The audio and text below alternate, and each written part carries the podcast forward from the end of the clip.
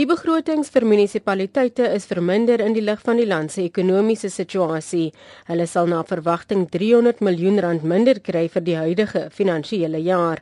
Die uitvoerende direkteur van munisipale finansies by die Vereniging vir Plaaslike Regerings, Simpiwe Tsenga, sê hulle moet maniere vind om geld in te vorder wat aan hulle geskuld word. Hy het 'n beroep gedoen op die komitee om hulle te help om 'n agentskap vir nasionale invorderings op die been te bring. Currently municipalities are owed about 115 billion. That's a huge amount if one was to imagine what that money could do, where it could go. We are worried that sum or part of it could be debt that's not collectible.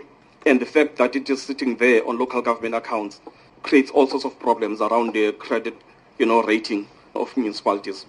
The establishment of a collections agency, similar to SARS or other models internationally, is one proposal that Salga had put forward. Hy sê as die tesouriefondse van munisipaliteite weerhou, maak dit die situasie vir munisipaliteite nog erger.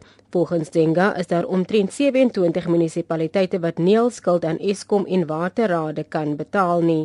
We are concerned though that there's a group of about 27 municipalities that for a number of reasons have not been able to meet those obligations. And the invoking of, of Section 216, as far as we're concerned as SALGA, doesn't in any way address the underlying causes of that kind of a situation.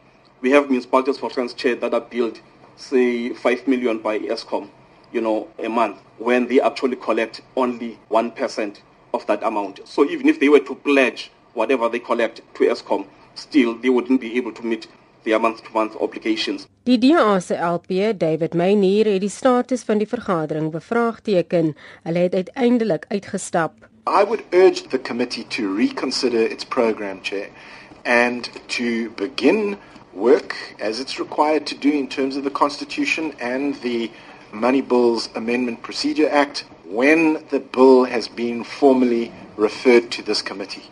And I don't want this committee or Parliament to underestimate my resolve. We haven't made a final decision, but one of the action steps which we may consider is going to court to interdict the budget process if we continue like this. We haven't made a final decision, but do not underestimate my resolve. Maar die voorsitter van die komitee, Nabakaise Kwabaza, het gesê die komitee neem nie besluite nie, maar dis om inligting te bekom. Honorable members, we will continue with this meeting. And those who, who do not want to participate in the meeting, let them leave. Simple as all that. We are not taking any further inputs. This meeting continues Dit was die voorsitter van die staande komitee van die begrotingswetsontwerp Nabakaise Ngabaza, Zelin Merrington, Parlement.